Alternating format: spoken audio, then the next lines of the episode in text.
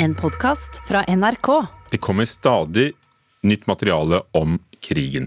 Hittil har de ligget i bokser, ikke vært katalogisert og vanskelig ja, umulig å finne, men 9. april skal Arkivverket ha sitt årlige vårslepp av dokumenter, og i år bl.a. med kong Haakons brev som han skrev under krigen.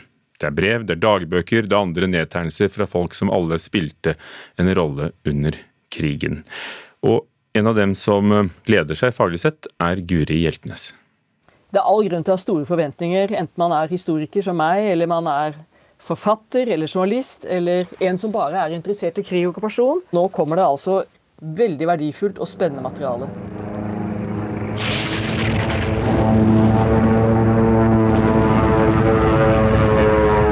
Bombene flyr. Den norske regjeringa, kongen og kronprinsen er i eksil i London. De jobber for å redde Norge fra den tyske okkupasjonen. Men dokumenter som blir offentlige den 9. april, viser at det også var en del sladder. Justisministeren Terje Vold opplevde dette så sterkt at han skrev om det i dagboka si. Dessverre er det så mange personlige motsetninger i regjeringen at personlig sladder er uunngåelig. Jeg får imidlertid se å holde meg borte fra det. Det las Øyvind Ødegård, fagdirektør i Arkivverket, fra dagboka til justisministeren Terje Vold. Jeg vet at andre eh, driver med mer sladder og skittkasting i sine dagbøker. Bl.a. stortingspresident Hambro mener vi har ganske friske utsagn om den norske regjering særlig. Den 9. april skal Arkivverket slippe om lag 200 000 dokument digitalt. Av de er det mange personlige brev og dagbøker. Vi skal slippe mange hittil ukjente arkivkilder fra norske personer og myndigheter i Storbritannia under krigen. Det er både fra regjering, kongehus, handelsflåten og det militære. Det meste har vært nedstøva og er tidligere helt ukjent for offentligheten. Selv blant historikere og forskere er det ytterst få som har brukt kjeldene tidligere. Det vil jo da kunne dokumentere helt nye sider ved Norges tilstedeværelse tilstedeværelse i Storbritannia. Vi føler nok at det er en del av krigshistorien som er eh, minst undersøkt av historikere og andre.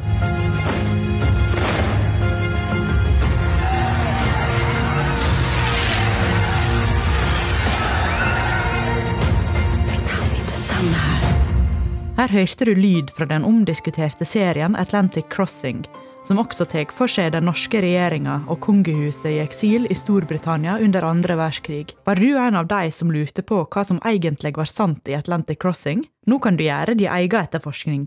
At flere kan ha glede av å grave i historien, og det syns jeg er kjempepositivt. Folk er jo interessert i historie. Folk er interessert i krig og okkupasjon. Folk har stilt mange spørsmål knyttet til eksilregjeringen. Det sa Guri Hjeltnes, som er historiker og direktør ved HL-senteret. Senteret for studier av holocaust og livssynsminoriteter. Hun mener at brev, men også dagbøker, kan gi et unikt innblikk. Særlig hvis de er autentiske, at de er direkte, personlige, private logger. Er det skrevet for et type publikum for å bli lest senere, så kan de ha en annen dom. Eh, man må jo studere både brev og dagbøker med kildekritisk blikk. Likevel er dette omfattende materialet som nå presenteres i vårslippet fra Arkivverket, av et sånt omfang og karakter at jeg er ikke tvil om at vi her vil finne mye nytt stoff.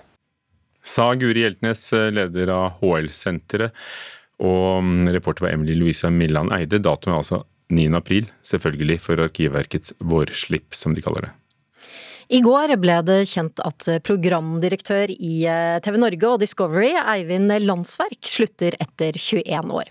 Landsverk har vært ansvarlig for mediehusets redaksjonelle profil og skapt utallige TV-suksesser som Big Brother, Tangerudbakken og Helt perfekt, sammen med noen av landets fremste profiler innen underholdning, drama og humor. God morgen, Eivind Landsverk.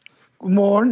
Nå altså avtroppende programdirektør i Discovery og TV Norge etter 21 år i jobben. Det er lenge. Hvorfor eh, slutter du nå? Det har vel litt med motivasjon å gjøre. Jeg har alltid sagt at den dagen jeg føler at jeg, at jeg mangler litt motivasjon, da skal jeg tre tilbake. Og der er jeg nå.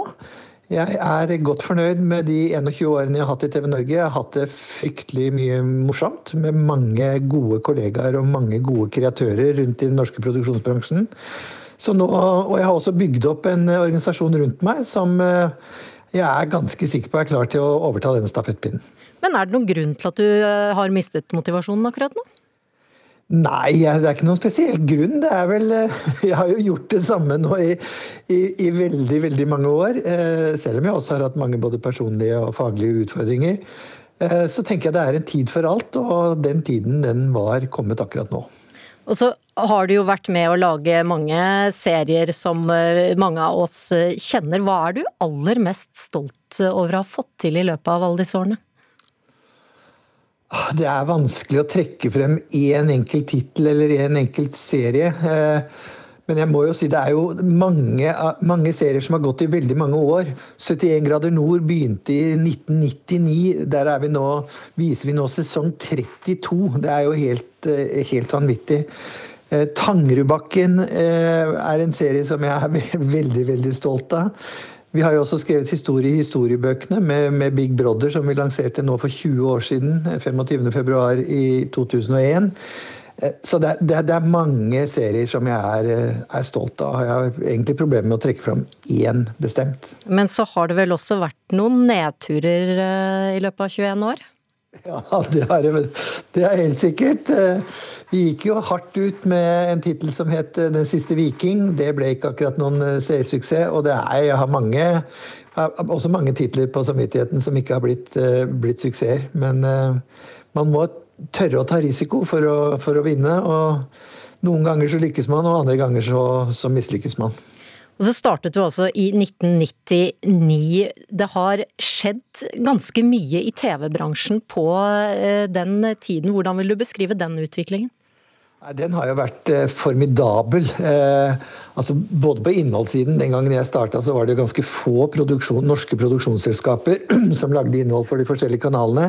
I dag er det veldig mange selskaper som leverer til, til alle, alle, kanaler.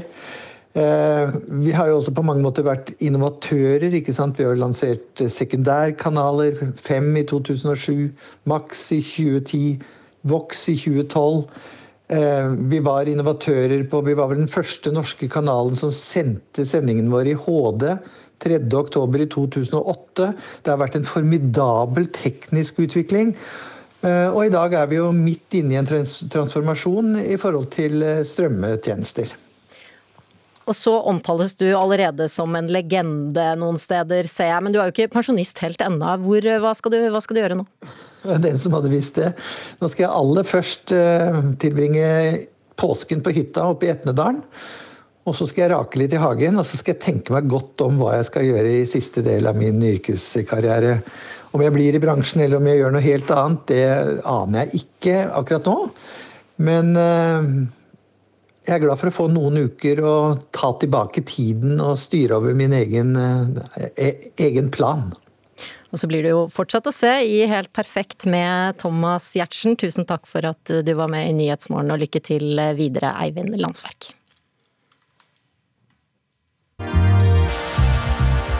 매번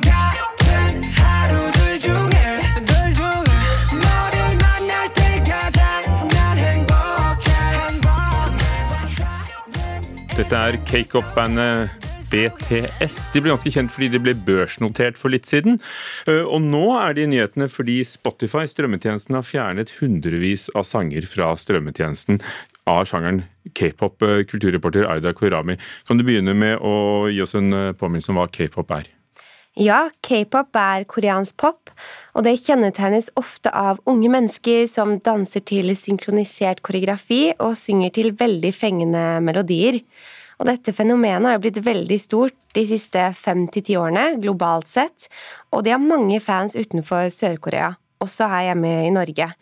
Og en egen undersøkelse fra Spotify den viste at mellom 2014 og 2020 har 134 milliarder minutter k-pop blitt strømmet fra Spotify. Så veldig populært, med andre ord. Og veldig paradoksalt da, at Spotify fjerner hundrevis av sanger. Hvorfor gjør de det? Ja, Ifølge BBC er det snakk om en tvist mellom Spotify og den sørkoreanske musikkdistributøren Kakao M. Spotify sa i en uttalelse at den eksisterende lisensavtalen med Kakao M hadde blitt avsluttet, men de håpet dette ville være midlertidig. Men Kakao M sier på sin side at Spotify ikke ville fornye avtalen, selv etter en forespørsel fra Kakao M's side. Og siden det er så mange som lytter til k-pop, så regner vi med at noen også har reagert? Ja, flere fans sto jo opp til at eh, Spotify-listen deres var nærmest halvert, og uttrykte på Twitter at det var trist at artistene nå mistet deres internasjonale publikum. Andre har også valgt å kansellere hele Spotify-abonnementet i protest. Og Tablo, som er lederen og produsenten av bandet Epic High, stilte spørsmålet på Twitter hvorfor er det alltid kunstnerne og fansen som lider når bedrifter velger grådighet over kunst? Aida Korami, takk. Mickey Mouse er animasjonsfilmens store klassiker. James Bond på de store kinosalene og The Beatles i musikkverdenen. Og i spillene så er det Super Mario i spillenes verden. I fjor så fylte Super Mario Brothers-serien 35 år. Eh, I år fyller selve figuren Mario 40 år. Rune Fjell Olsen, spillkritiker i NRK. Hva er det med Mario som har gjort ham så populær? Det er jo mye det at Nintendo har brukt ham for alt eh, det er verdt. Han har vært på coveret til over 200 eh, forskjellige spill da, gjennom flere tiår. Eh, han har på mange måter blitt av selve symbolet på familiekonsollene til Nintendo. Så det har litt å si at han dukker opp overalt år etter år, men det viktigste her er at de fleste av disse spillene har vært veldig, veldig gode. Han representerer da kvalitet og moro for alle, så Nintendo har vært flinke til å forvalte denne gallionsfiguren sin gjennom alle disse 40 årene. Altså 40 år, og du, du skriver du i en kommentar eh, på nrk.no, praktisk, der kan man alltid lese alle anmeldelsene våre forresten, eh, at Mario knapt har forandret seg på de årene. Eh, er det en god ting? Altså, Det er jo veldig konservativt av Nintendo, selvfølgelig. Den Mario som du møter da i Super Mario 3D World og den tilleggsepisoden Bowsers Fury som nettopp kom ut på Switch, det er jo mer eller mindre den samme Mario som du møtte i Super Mario Bros i 1985. Eh, han har den samme røde capsen, de samme blå buksene, de hvite hanskene, den digre barten. Han oppfører seg også ganske likt. Men spillene han er med i og oppgavene han skal løse, har da en fantastisk eh, variasjon. og Derfor er også Mario relevant år etter år. Eh, og Særlig hovedserien til Super Mario har levert massevis av toppspill. De har liksom gang på gang demonstrert både innovasjon og kvalitet. Og en spillfølelse som fenger liksom hele familien, store og små. Eh, konsekvensen av dette er jo at alle med en viss spilleinteresse eh, virkelig føler at man alltid kan stole på Mario og de opplevelsene man kan ha med ham. Hva er Runefjell Olsen, hva er innovasjonen? Hva består de? Er det teknisk? Er det innholdet? Hva, hva gjør at du, du stadig henger med? Disse verdenene inneholder jo oppgaver man skal løse, og disse oppgavene er det fryktelig stor variasjon på. Og Det er jo både Super Mario 3D World og denne episoden Bowsers Fury, som er en sånn liten mini-opplevelse. Veldig gode eksempler på. på. I Super Mario 3D World så har du en sånn flerspilleropplevelse hvor fire spillere kan spille sammen. Og Da er det Mario, Luigi, prinsesse Peach og Toad, og de har hver sine egenskaper. og Du må da samarbeide for å løse uh, oppgaver. Og I Bowsers Fury så eksperimenterer Nintendo veldig med hvordan uh, Super Mario-konseptet kan fungere i en sånn mer åpen, fri spillverden, som ligner da mer på type uh, The Legend of Zelda, Breath of the Wild. Uh, og så er det i tillegg både mørkere og mye mer dramatisk enn det man er vant til fra uh, Super Mario. Og så har jo også Bowser Fury utrolig mange kattepuser. Så det går sjelden feil. Kattepuser slår an. Jeg hører at du er begeistret. Hva er dine høydepunkter etter 40 år med Super Mario? Det er jo veldig veldig mange høydepunkter. Jeg kunne sittet her kjempelenge. Men hvis jeg skal velge da noen få, så må det nok være Super Mario 64 og Mario Kart 64. Uh, kjempe, kjempebra spill begge to, litt sånn merkespill i min uh, spillkarriere. Det du har også rollespillet Paper Mario, The Thousand Year Door.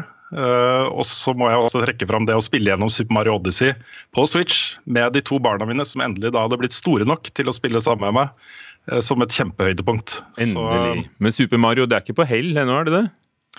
Nei, også jeg, jeg, jeg Nintendo har vært så flinke til å forvalte uh, Mario og sine merkevarer at jeg tror han kommer til å leve i beste velgående i veldig mange år til. Så uh, kommer det eh, stadig nye spill. Det kommer et nytt Mario Golf i sommeren som jeg gleder meg til. Så, så det her blir sånn evigvarende, tror jeg. I hvert fall for, for, deg også, Rune Fjell Olsen, spillkritiker i NRK. Jeg nevner det igjen. NRK.no anmeldelser er stedet å gå på internett for å lese nettopp det. Også 40 år med Mario. Du har hørt en podkast fra NRK. Hør flere podkaster og din NRK-kanal i appen NRK Radio.